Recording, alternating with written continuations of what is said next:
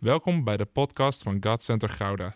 Vanaf deze plek willen we jou inspireren, motiveren en activeren om op een praktische manier je dagelijks leven met God vorm te geven.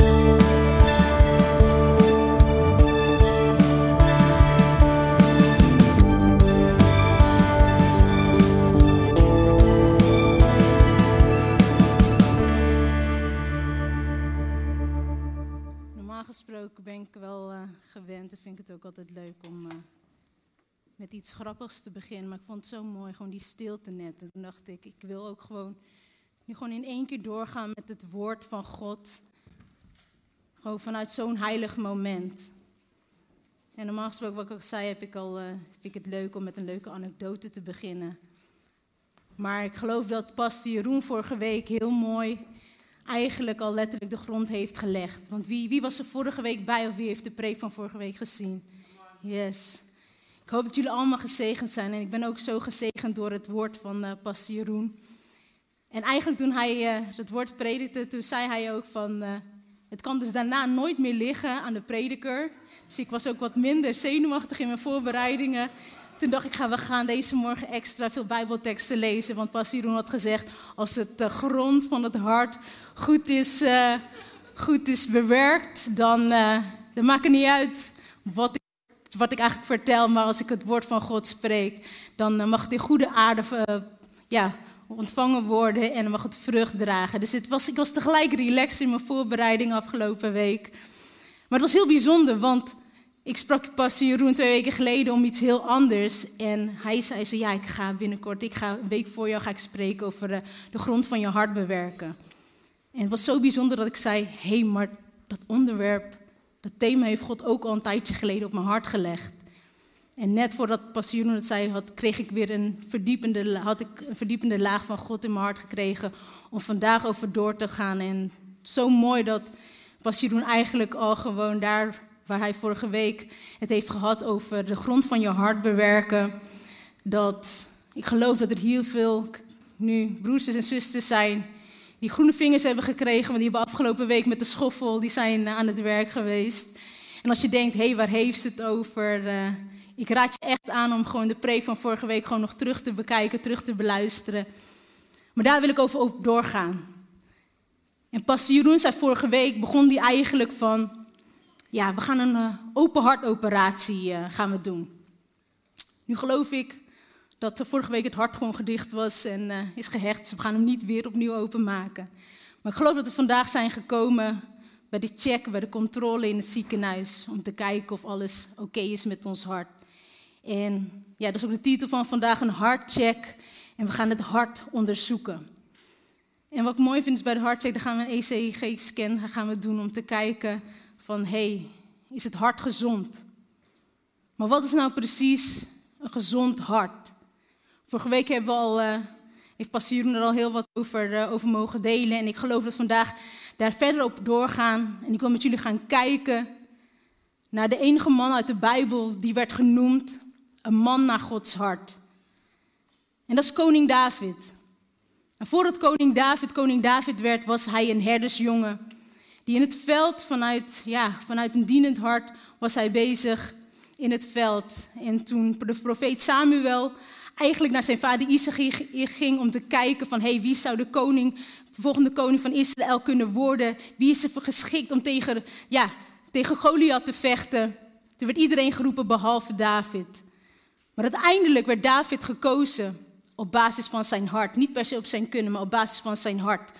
En dan zien we dat er over David wordt gezegd in 1 Samuel 16, vers 7. Maar de Heer zei tegen Samuel: Ga niet af op zijn voorkomen en zijn reizige gestalte. Ik heb hem afgewezen. Want het gaat niet om wat de mens ziet.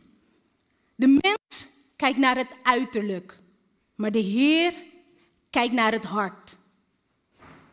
En dan is het zo mooi dat het niet alleen maar. Dit was nog voordat David koning werd, werd dit ook al gezegd en bevestigd door God. Maar later zien wij in het Nieuwe Testament, in Handelingen 13, dat er over David staat in vers 22.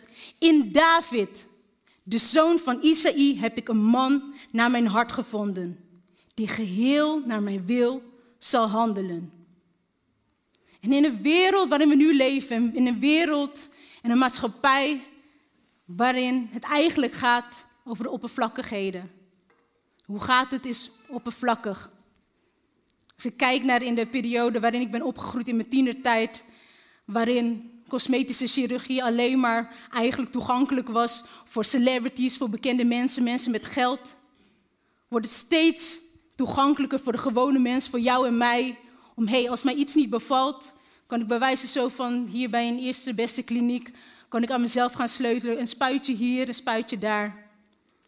Want we sleutelen zoveel aan de buitenkant van ons. Als het gaat om foto's, is van we moeten de Insta-perfecte foto's op social media plaatsen. Want ja, daar gaat het om. Dat is wat mensen willen zien. En daar spiegelen we ons aan. Maar ik wil met jullie gaan kijken vanuit het woord en vanuit, ja, vanuit het leven van David. Hoe belangrijk het is wat er in ons hart speelt. En hoe belangrijk het is om ons hart te bewaren. En daarvoor wil ik ook, zoals ik al zei, gaan kijken naar het hart van koning David. Want David begon heel goed. De herdersjongen die als een dienaar, als een dienaarshart dat hij had, voor de schapen zorgde. En koning David, die achterna werd gezeten door Saul en altijd juist heeft gehandeld. Die grote David, die nederige David, komt uiteindelijk op een namiddag, op een fatale middag, komt hij ten val. Want we gaan naar het verhaal dat de man naar Gods hart in schande vervalt en naar de geschiedenis van David en Bathseba. Het leger is op dat moment, het leger van David is op dat moment om te gaan vechten tegen Ammon en David is thuis. Terwijl David eigenlijk met de troepen, zijn troepen zou moeten leiden en moeten vertegenwoordigen, is David thuis.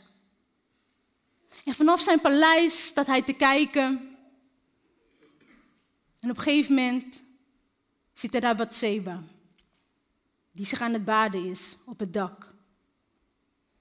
En hij denkt, hé, hey, wat ik daar zie, dat bevalt mij wel.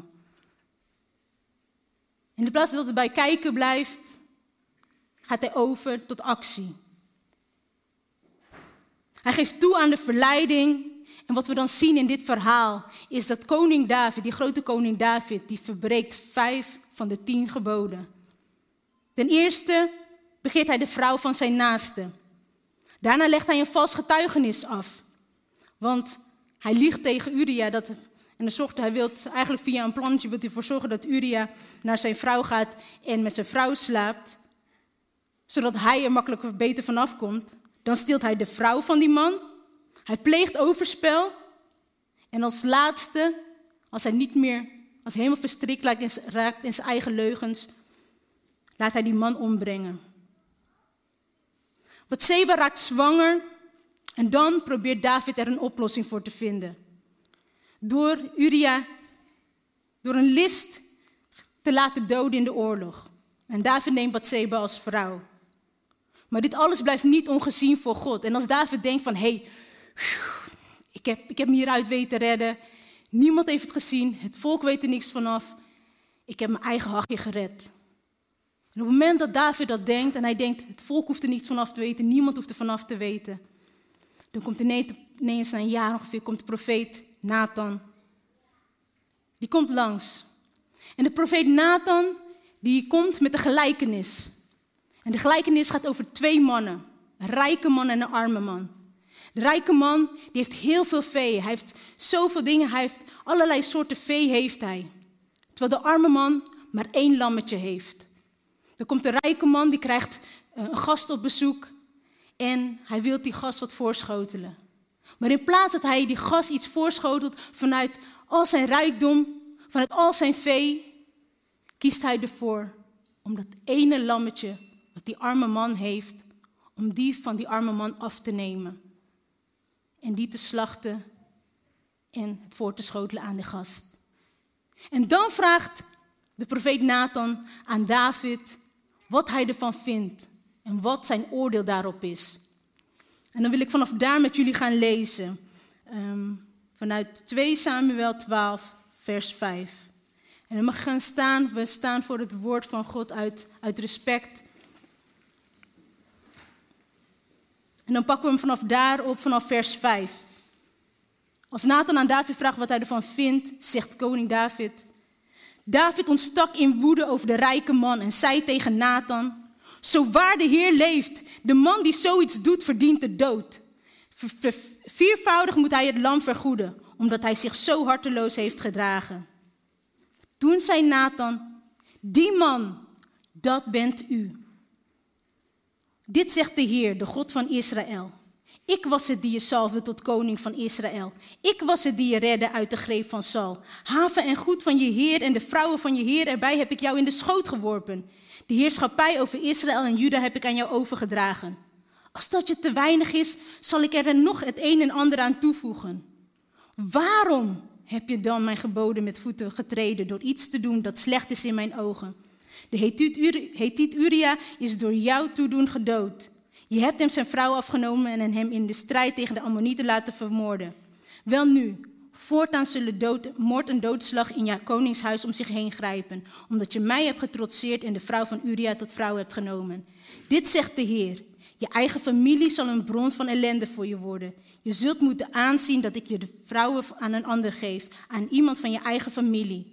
Dit zal met je, die zal met je vrouwen slapen op klaarlichte dag. Jij hebt, en dit vind ik heel belangrijk, maar daar wil ik op terugkomen, in het diepste geheim gehandeld. Maar ik zal dit laten gebeuren ten overstaan van heel Israël en in het volle daglicht. Dan antwoordt David aan Nathan, ja, ik heb gezondigd tegen de Heer. Toen zei Nathan, de Heer vergeeft u die zonde. U zult niet sterven. Maar omdat u de vijanden van de Heer aanleiding hebt gegeven tot laster, moet wel uw pasgeboren zoon sterven. Daarop ging Nathan naar huis. De Heer trof het kind dat de vrouw van Uria David gebaard had met een dodelijke ziekte. We gaan zitten. En uiteindelijk komt ook uit wat Nathan heeft geprofiteerd. Die eerste zoon van Bathseba en David die sterft. Toen ik het las voor het eerst, dacht ik, het is echt heftig. Het is eigenlijk best wel grof. En als je zo van van, hoe kan God dat toelaten? Zo'n onschuldig kind wat moet sterven. Dat kind heeft niks, niks verkeerd gedaan. Het was David. Maar er gebeurt meer, want het vreselijk verhaal wat hier begint, heeft vol nog veel meer gevolgen. Want vanaf die middag gaat het bergafwaarts ook met het volk. De gevolgen van Davids daden hebben grote invloed op zijn omgeving. We zien dat het invloed heeft op zijn gezin. Het heeft invloed op zijn volk. En in de dan opvolgende 500 jaar verliezen ze alles wat God hun gegeven had. En weet je, dit alles gebeurde niet zomaar aan de oppervlakte. Het begon allemaal in het hart van David. En wat we hier zien, is dat God zijn hart laat zien waarom zijn principes zo belangrijk zijn. En dat er gevolgen zijn als wij niet aan zijn principes houden. Hoe belangrijk is het dan om onze hart te bewaken? Want als je hart niet bewaakt, dan zien we bij David, dan wordt het van kwaad tot erger en ontstaat er een hele chaos. En ik wil vandaag gaan kijken. We kunnen zo makkelijk, als we gewoon met mensen omgaan, wat ik net had gezegd op Instagram, dat is de oppervlakte wat mensen zien. Maar wie ziet werkelijk wat er in ons binnenste is? We kunnen heel oppervlakkig met elkaar omgaan. En niet alleen met elkaar, maar zelfs met God.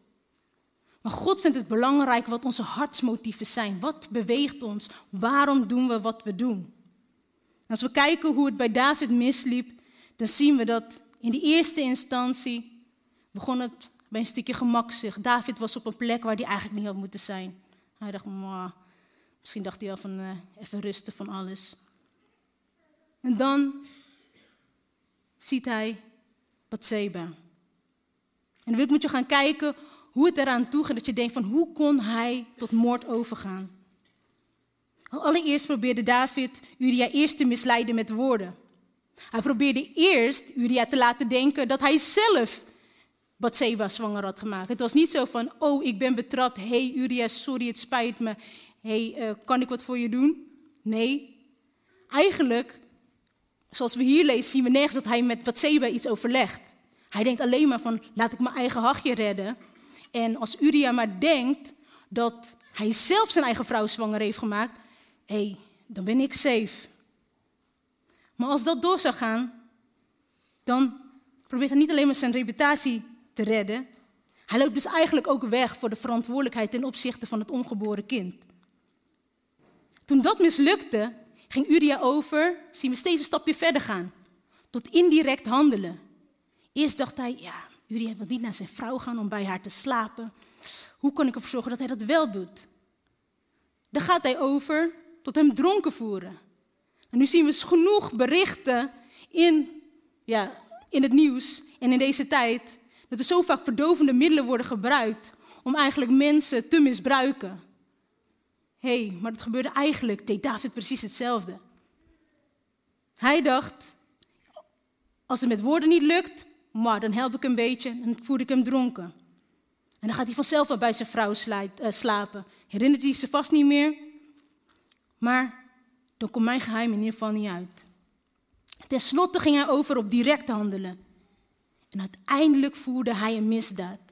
Hij was bereid om Uriah te vermoorden, omdat hij dacht, als koste wat ten koste, mijn geheim en mijn reputatie, maar niet, ja, mijn reputatie, maar niet verbroken wordt. Want dan zou hij eigenlijk, was Uriah een kroongetuige. Ik weet niet of je wel eens, uh, ik volg soms af en toe het merengue-proces, vind ik wel heel erg belangrijk. Maar wat zie je daar ook heel vaak? Het is heel moeilijk om vaak de opdrachtgever te pakken. En wat ze doen, is die opdrachtgevers weten dat, maar die zorgen voor een hitman. Ze zorgen in ieder geval een huurmoordenaar, want uiteindelijk worden die sneller gestraft, die zijn makkelijker te pakken. Terwijl iedereen heel vaak weet van wie de opdrachtgever al is. Maar eigenlijk zien we hetzelfde gebeuren. Dat David dat doet. Hij denkt, ik moet die kroongetuige Uria vermoorden. Want anders, als hij erachter komt van, hé, hey, mijn vrouw is zwanger, maar hoe kan mijn vrouw zwanger zijn als ik niet met haar heb geslapen? Dan komt straks komt eruit wat ik heb gedaan. En het was ook heel hypocriet. Want uiteindelijk liet David aan de buitenwereld overkomen alsof hij het allemaal goed, goed had gedaan. Voor de vorm ging hij wachten tot de rouwtijd voorbij was. En toen pas ging hij met Bathseba trouwen. Dus voor de buitenkant aan de oppervlakte leek het alsof hij het allemaal op de juiste manier had gedaan. Maar uiteindelijk staat er in Spreuken 15, vers 11: we kunnen voor de buitenwereld doen alsof we het allemaal zo goed bedoelen. Maar in Spreuken 15, vers 11 staat: De Heer doorgrondt de afgrond van het dodenrijk. Hoeveel te meer het mensenhart. En zoals ik al net al zei, in 2 Samuel 2, vers 12 staat erop van, het ging God erom wat er in het verborgene gebeurde. Want er staat op in vers 12, je hebt in het diepste geheim heb je gehandeld.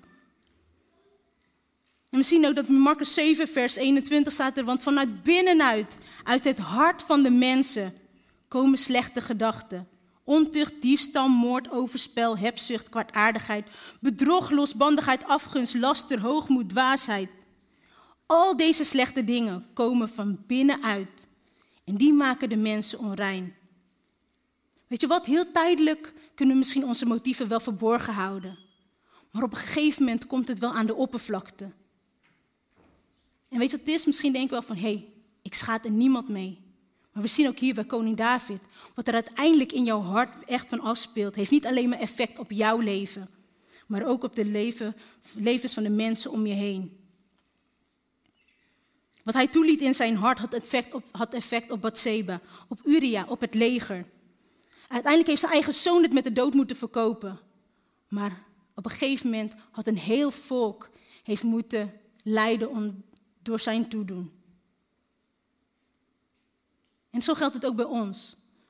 Als jouw intrinsieke motivatie niet oprecht is, zal uiteindelijk aan de oppervlakte komen en zal het zijn vruchten afwerpen.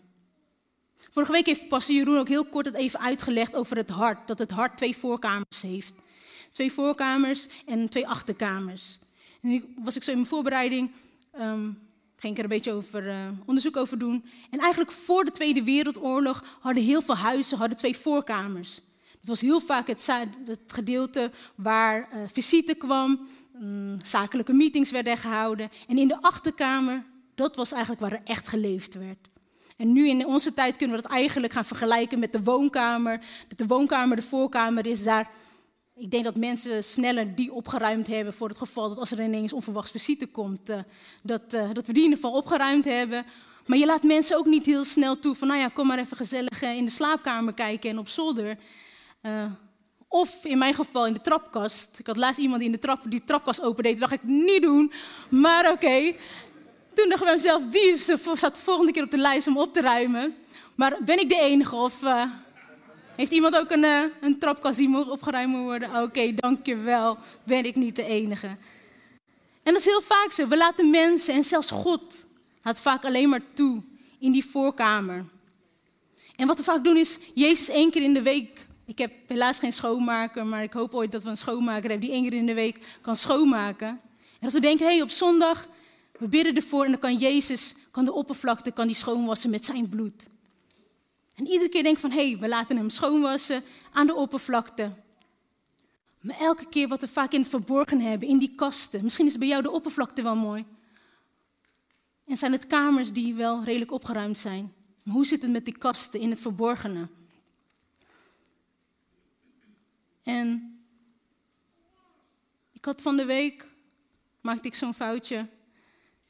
Toen dacht ik, ik ga de gereedschapskist, die eigenlijk niet daar in die kast hoort, toch wegwerken. En ik had de gereedschapskist op een gammele plank gelegd.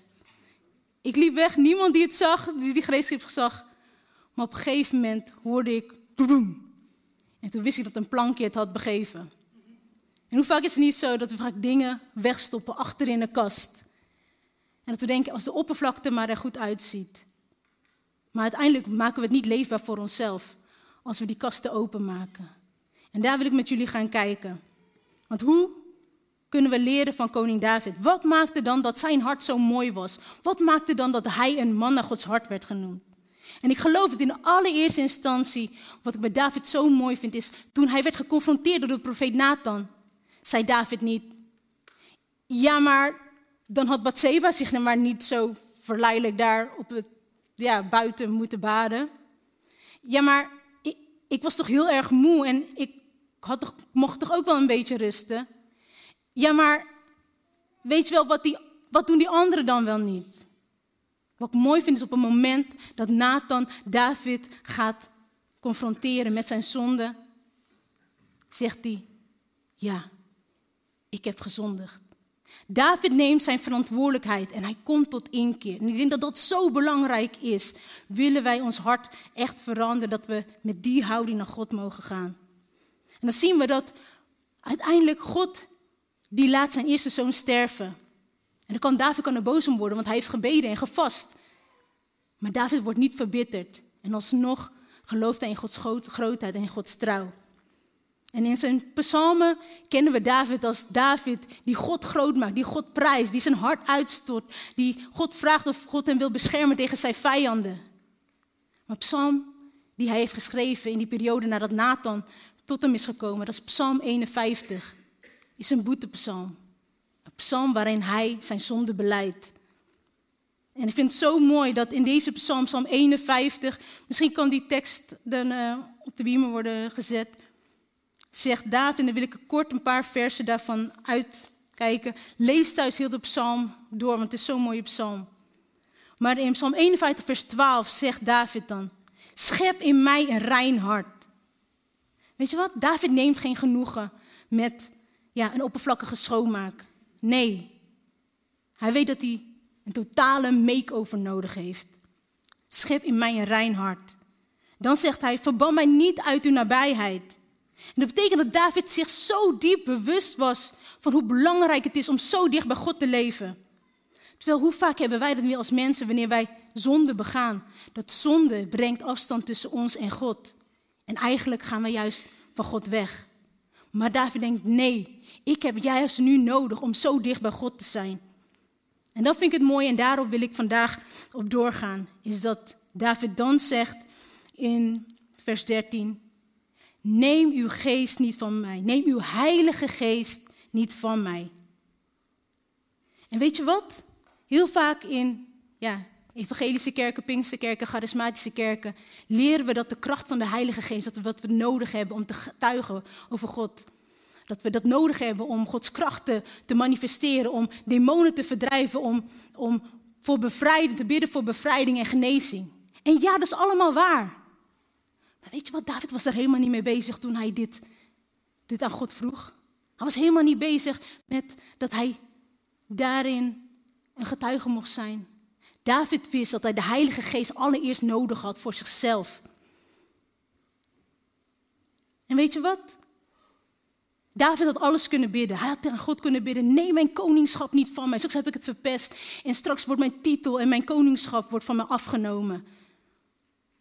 David had niet gebeden: neem niet al mijn bezittingen van mij. Neem niet mijn leger van mij en financiële zekerheden. Maar David bad: neem uw Heilige Geest niet van mij.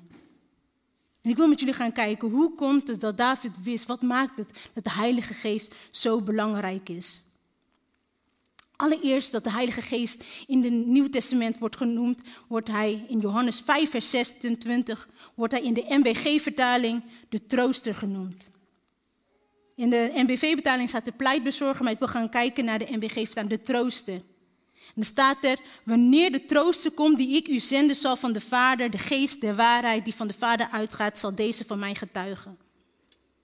En God liet mij zien dat er zoveel mensen zijn die veel te veel ruimte geven aan verdriet in hun leven en in hun hart. Er is zo'n grote doos dat eigenlijk helemaal niet eens, heb je niet eens plek voor op je zolder. Maar het zit zo vol met allerlei spullen, terwijl die heel die plek helemaal niet nodig heeft om zoveel ruimte in beslag te nemen. En ik weet niet of je het kent, maar ik ben echt een fan van als je een serie op Netflix wil gaan volgen, zou ik zeggen, Get Organized bij Home Edit. Een gratis tip van Flip op deze zondagmorgen. Maar zo mooi dat je die, dat programma neemt je mee in hoe je echt op te ruimen, je huis op te ruimen. En wat ik daarbij mooi vind, is dat je echte professionele organizers hebt. Die dan met, cliënt, met cliënten, klanten gaan kijken van, hey, hoe kunnen we jouw huis opruimen? Wat werkt voor jouw leven? En ik ben iemand van, hey, hup, gelijk weggooien al die zooi, weet je wel. Maar ik vind het zo knap dat die organizers zoveel respect hebben. Die gaan met die cliënt gaan zitten. Die gaan met die cliënt zitten en die gaan kijken, hey, wat heb je wel nodig, wat heb je niet nodig. Die gaan niet zeggen, weet je wat, hé, hey, dat verdriet wat jou is aangedaan, hé, hey, dat is al zo lang geleden, hup, weg ermee. Nee. Maar wat die gaat doen, is, we gaan het in een bakje zetten, een betere plek heeft. Dit is de ruimte die het nodig heeft. Die ruimte van verdriet en teleurstellingen. En misschien zijn die inderdaad door anderen aangedaan. Maar die heeft niet zoveel ruimte nodig als die doos. En ik geloof dat de Heilige Geest als trooster, als organizer met jou wil gaan zitten. En die doos van verdriet en teleurstellingen met jou wil gaan doornemen. En gewoon met jou wil gaan zitten en er de tijd voor nemen. Van, hey, misschien zijn er dromen. Dromen van je denkt van, hé, hey, dit heeft God tot mij gezegd. Dromen die niet zijn uitgekomen en je bent er eigenlijk echt teleurgesteld in. En je zit daar zo mee. Zeg we niet, hé, hey, weg met die dromen, weet je wat, dat had God niet voor je. Nee. Weet je wat, dit is de plek die het mag hebben in jouw leven. We gaan er de tijd voor nemen en we erkennen het verdriet wat jou is aangedaan en de teleurstelling. Maar die geven we een plek. Misschien is het bij jou wel een jeugd met misbruik met verslaving, waar jij ook niks aan kon doen. Misschien ben jij wel de kind van de rekening, die inderdaad door toedoen van je ouders of wie dan ook in de familie met verdriet zit. Dan gaan we niet zeggen, hé, hey, we gooien het weg, we doen net alsof het er niet is. Nee, het is geweest, de Heilige Geest wil jou troosten, die wil met je gaan huilen. Ik geloof dat de Heilige Geest echt met jou wil gaan huilen en die plek geven. En dan leggen we het weer hier neer. En misschien ben jij wel teleurgesteld in God, in de kerk. En heeft zo'n plek in je leven gegeven dat je denkt van ja, maar ik had God echt vertrouwd en ik dacht dat God dit zou doen, maar dat heeft hij niet gedaan. En je denkt dat je niet verder kan. Dan gaat God niet zeggen, je erop afrekenen. Nee, de Heilige Geest wil met jou huilen. Maar hij wil je ook troosten. En dit ook een plek geven. weet je wat ik mooi vind? Als je het programma kent, dan zeg, geef ze als tip, neem doorzichtige dozen. Weet je waarom? Dan weet je, als het in zo'n doos zit, zo'n dichte doos, weet je niet wat erin zit. Hier weet je het wel. En niet om aan de pijn herinnerd te worden, maar uiteindelijk dat als dit in een zolderkastje terechtkomt, dat je mag terugkijken. Hé, hey, inderdaad, dat heeft mij verdriet gedaan. Maar uiteindelijk is dit het getuigenis geworden. Dat ik mag zien dat, hé, hey, God heeft me hier doorheen gebracht. De Heilige Geest heeft mij getroost. En dit is nu een getuigenis geworden. Dat ik niet meer met pijn niet hoef te verbergen, maar ik kan het nu aankijken en weten, hier heeft God mij doorheen gebracht.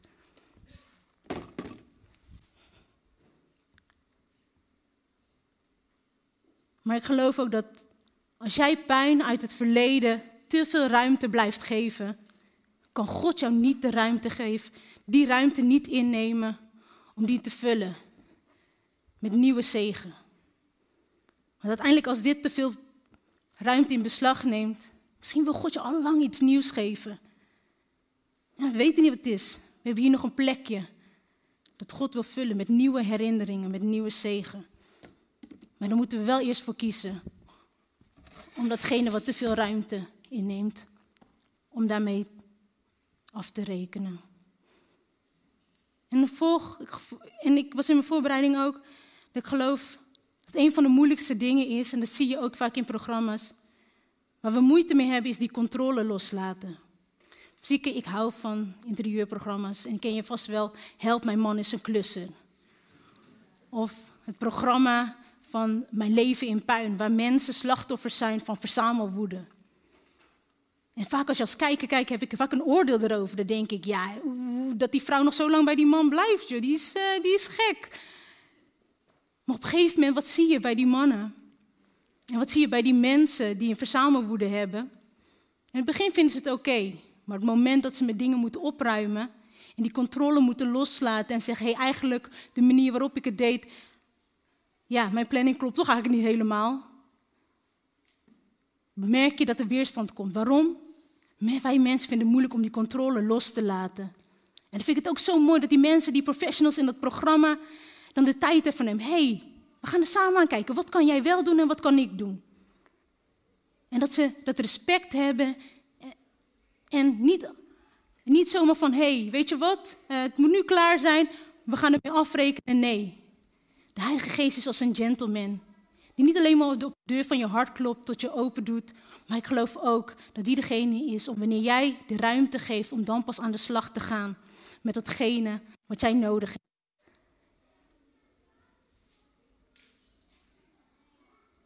Want dat vind ik zo mooi dat er in Johannes 16 staat, 16 vers 7 over uh, de Heilige Geest staat.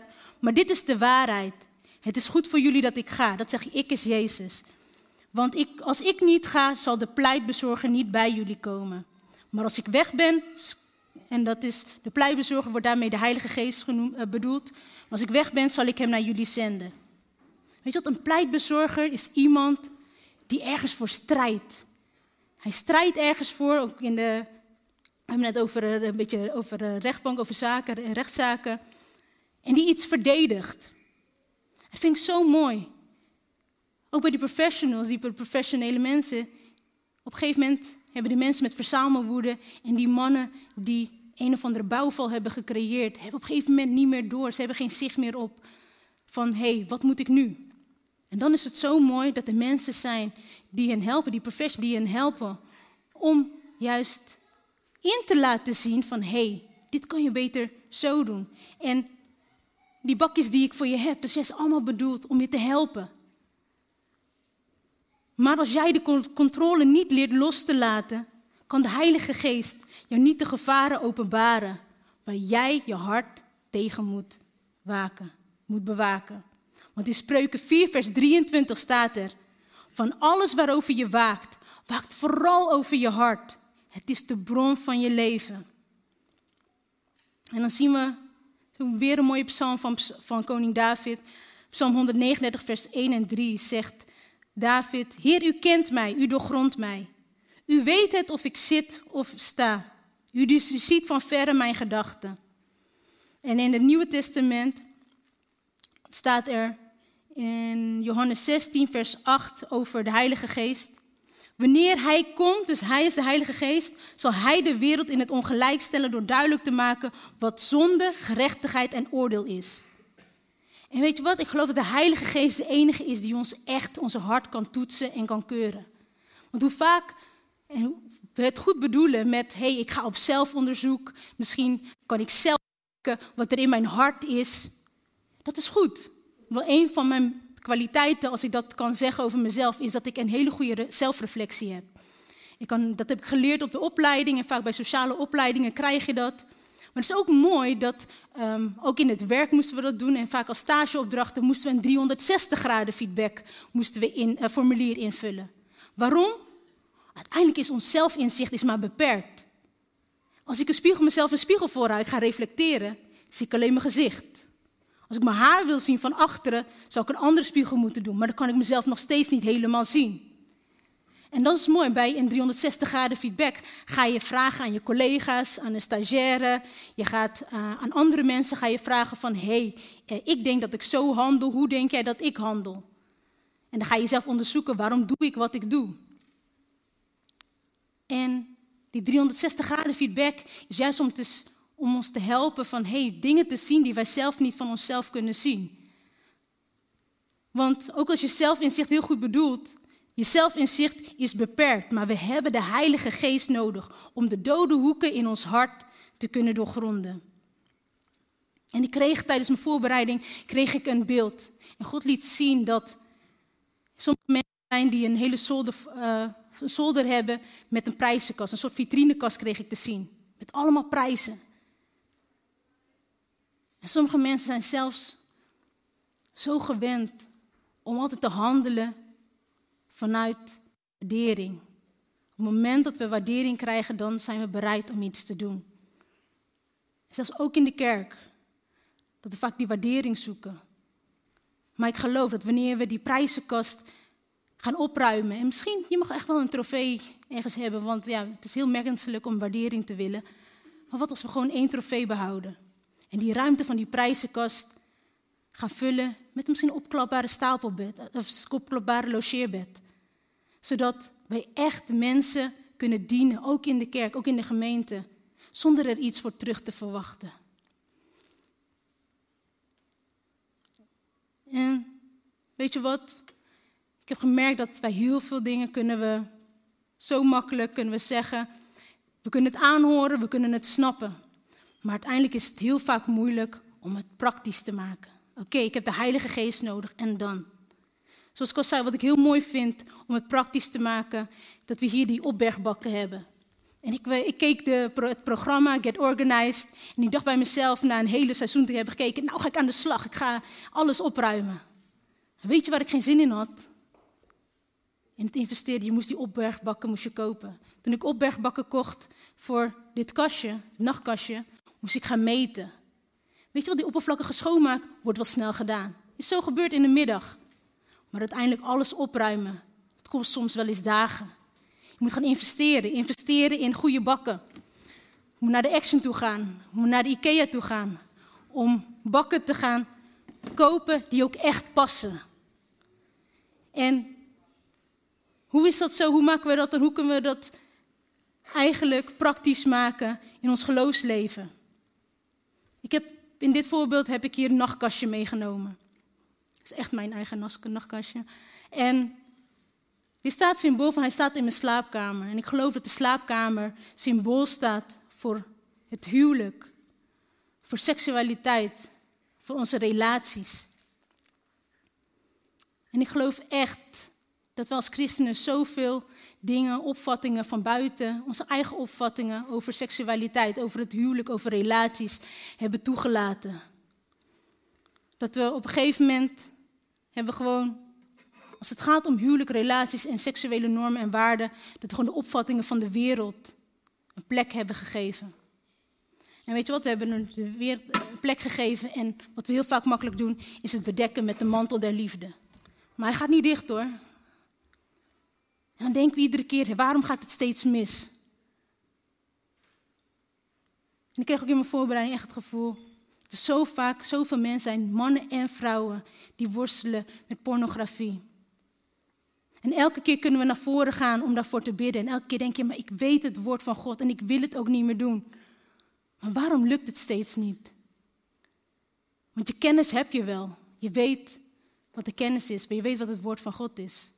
En iedere keer dat bedekken met de mantel de liefde werkt niet. Wat ik geloof is dat we het praktisch mogen gaan maken door niet alleen maar Gods woord bovenop te gaan stellen. Wat Gods woord erover zegt. Wat Gods woord zegt over het huwelijk, wat Gods woord zegt over seksuele normen en waarden. Maar ik geloof ook dat wat we mogen gaan doen is echt hulp vragen. Niet alleen van de Heilige, we denken van de Heilige Geest, maar echt praktisch hulp vragen. En wat we vaak doen is die hulp niet vragen. Waarom niet? Omdat we ons schamen. En er zit nog een doos. Het is een mooie doos. Het is goed bedoeld allemaal. Maar hij past niet. En we krijgen deze kast krijgen we maar niet dicht. Waarom? Omdat wantrouwen, schaamte en afwijzing ons in de weg staan. We voelen ons onveilig om uiteindelijk, wanneer we hebben gebeden voor die bevrijding, om ook hulp te gaan zoeken. En misschien wordt het tijd dat sommigen het praktisch gaan maken. Door een buddy te gaan zoeken. Wanneer je er echt mee struggelt. Waar je ook mee struggelt. Om iemand in vertrouwen te nemen. En zegt, hé, hey, als ik ineens een keer de neiging heb. Dan bel ik mijn buddy. Telefoon hoorde hierin. Wanneer ik de neiging heb, bel ik die buddy op. Om mij te helpen. Deze past wel. En misschien is het volgende praktische voor sommigen. Misschien is het goed om mijn social media even te sluiten. Of juist praktisch die telefoon weg te leggen en die apps te verwijderen. Of reageren we dan met: Ja, maar dan ben ik niet bereikbaar. Ja, maar ik heb mijn telefoon ook nodig. Ja, maar ik heb ook ontspanning nodig. Of reageren we net als koning David en nemen we onze verantwoordelijkheid? Ja, ik heb gezondigd. Weet je, en dan past het. En dan past en dan geloof ik dat het in die orde is. En dan zien we ook dat wanneer we dat toepassen, dat, er ook, dat het vrucht zal dragen. Maar uiteindelijk is het dat jouw reactie op Gods, op Gods correctie, dat bepaalt de vrucht in jouw leven. En niet alleen maar in jouw leven, maar we zagen het net bij koning David ook. Vrucht in het leven, vrucht in je huwelijk, in je relatie, in je gezin. En uiteindelijk ook voor de mensen om je heen en in jouw bediening. En dan wil ik eindigen met een openbaring die ik, die kreeg en die ik echt niet wil onthouden. We lazen dat omwille van de zonde van koning David, die koning David had begaan, dat zijn eerste zoon met Bathseba moest sterven. Ik vond het echt heftig toen ik dat las. Kijk, het was niet zo dat David moest sterven. Want God zegt, jij zult, niet hoeven te sterven, jij mag blijven leven. En dat was genade van God. Maar er moest wel een prijs betaald worden. En hij moest het betalen met het leven van zijn zoon. Hoe verpand is het dat de eerste zoon van David moest betalen voor zijn zonde. En uiteindelijk, jaren later, komt uit hetzelfde geslacht van David, komt de mensenzoon die niet alleen maar heeft moeten boeten voor de zonde van David alleen, maar voor ons allemaal, voor heel de mensheid, voor jou en mij. En misschien denk je bij jezelf van, hé, hey, straks gaat God mij ook straffen voor alles wat ik fout heb gedaan. Dan mag je weten, nee, dat heeft Jezus al gedaan. Jezus heeft al die straf betaald. Het enige wat jij nog hoeft te doen, als je het nog niet hebt gedaan, is jouw hart te geven. Weet je wat, misschien heb je nog nooit wat gewonnen en denk je bij jezelf, oh, ik zou ook wel zo graag zo'n home makeover winnen. hey, vandaag is nog een veel betere dag. Vandaag win je niet een home makeover. Vandaag kan je een makeover van je hart krijgen. Niet omdat jij het verdient, niet omdat je het gewonnen hebt, maar uit genade, omdat Jezus de prijs al heeft betaald. En misschien herken je jezelf in zo'n man van help mijn man in zijn klussen die bij zichzelf denkt van hé, hey, wat heb ik er een puinhoop van gemaakt. Er is hoop. En vandaag mag jij als je wilt een keuze maken. Als je wil mag je een keuze maken en mag jouw gebed zijn, net als koning David in Psalm 51. Van ja, ik heb het zo lang op mijn eigen manier geprobeerd. Ik heb er zo'n puinzooi van gemaakt, maar ik weet het niet meer. Ik laat de controle, laat ik los. En ik wil mijn hart aan Jezus geven. En uiteindelijk is dat het grootste wonder wat de Heilige Geest echt kan doen in het hart van een mens. Dat jij weet van hé, hey, ik ben echt overtuigd van de zonde. Ik weet dat ik een zondig mens heb en dat ik Jezus nodig heb. misschien heb je er wel een zootje van gemaakt. Maar weet je wat? In Psalm 51, vers 9 en 19, even verderop staat er: Het offer voor God is een gebroken geest, een gebroken en verbrijzeld hart. Dat zal God niet verachten. Misschien denk je bij jezelf: Ik ben echt een puinhoop. Wat moet God met mij? Hé, hey, dan ben je juist in de beste staat die je kan zijn. Want dat is wat God wil. Ik wil vragen of worship team naar voren wilt komen. Want ik wil zo meteen alleen bidden voor degene die echt zoiets heeft van... hé, hey, ik wil echt mijn hart aan Jezus geven. Ik heb het nog nooit gedaan. Ik vind het eng, ik vind het spannend. Ik heb liever dat ik de controle vasthoud. Maar ik besef dat ik het niet zonder Hem kan. Dan wil ik voor je bidden. En voor de andere mensen wil ik gewoon vragen van... hey, weet je wat? Ik heb net over gehad, we gaan de dingen in praktijk brengen. Dan wil ik niet voor je gaan bidden. Maar dan geloof ik dat de Heilige Geest zo meteen door de worship heen dat de Heilige Geest vanzelf mag openbaren. Als er nog dingen in je hart is, dingen in je hart zijn, dat hij dat vanzelf zal openbaren. We willen gewoon vragen of iedereen een moment wil gaan staan en terwijl de muziek misschien al rustig kan gaan spelen. We willen gewoon vragen als dat voor jou geldt. Als jij zoiets zegt van ja, ik herken mij in die persoon die het zo lang zelf heeft geprobeerd. Maar eigenlijk is mijn hart echt een bouwval. Het is niet één kamer, het is niet één kast. Het is eigenlijk heel mijn hart. Op alle gebieden van mijn leven weet ik gewoon niet meer wat ik met mezelf aan moet. Ik heb het zo lang zelf geprobeerd. En misschien heb je allerlei andere manieren geprobeerd. En misschien heb je tijdens het woord, tijdens de worship al gevoeld van... hé, hey, ik begrijp het misschien allemaal nog niet wat Jezus voor mij heeft gedaan. Ik begrijp misschien heel de boodschap nog niet. Maar ik voel wel dat dit het juiste is wat ik mag doen deze morgen. Om mijn hart aan Jezus te geven.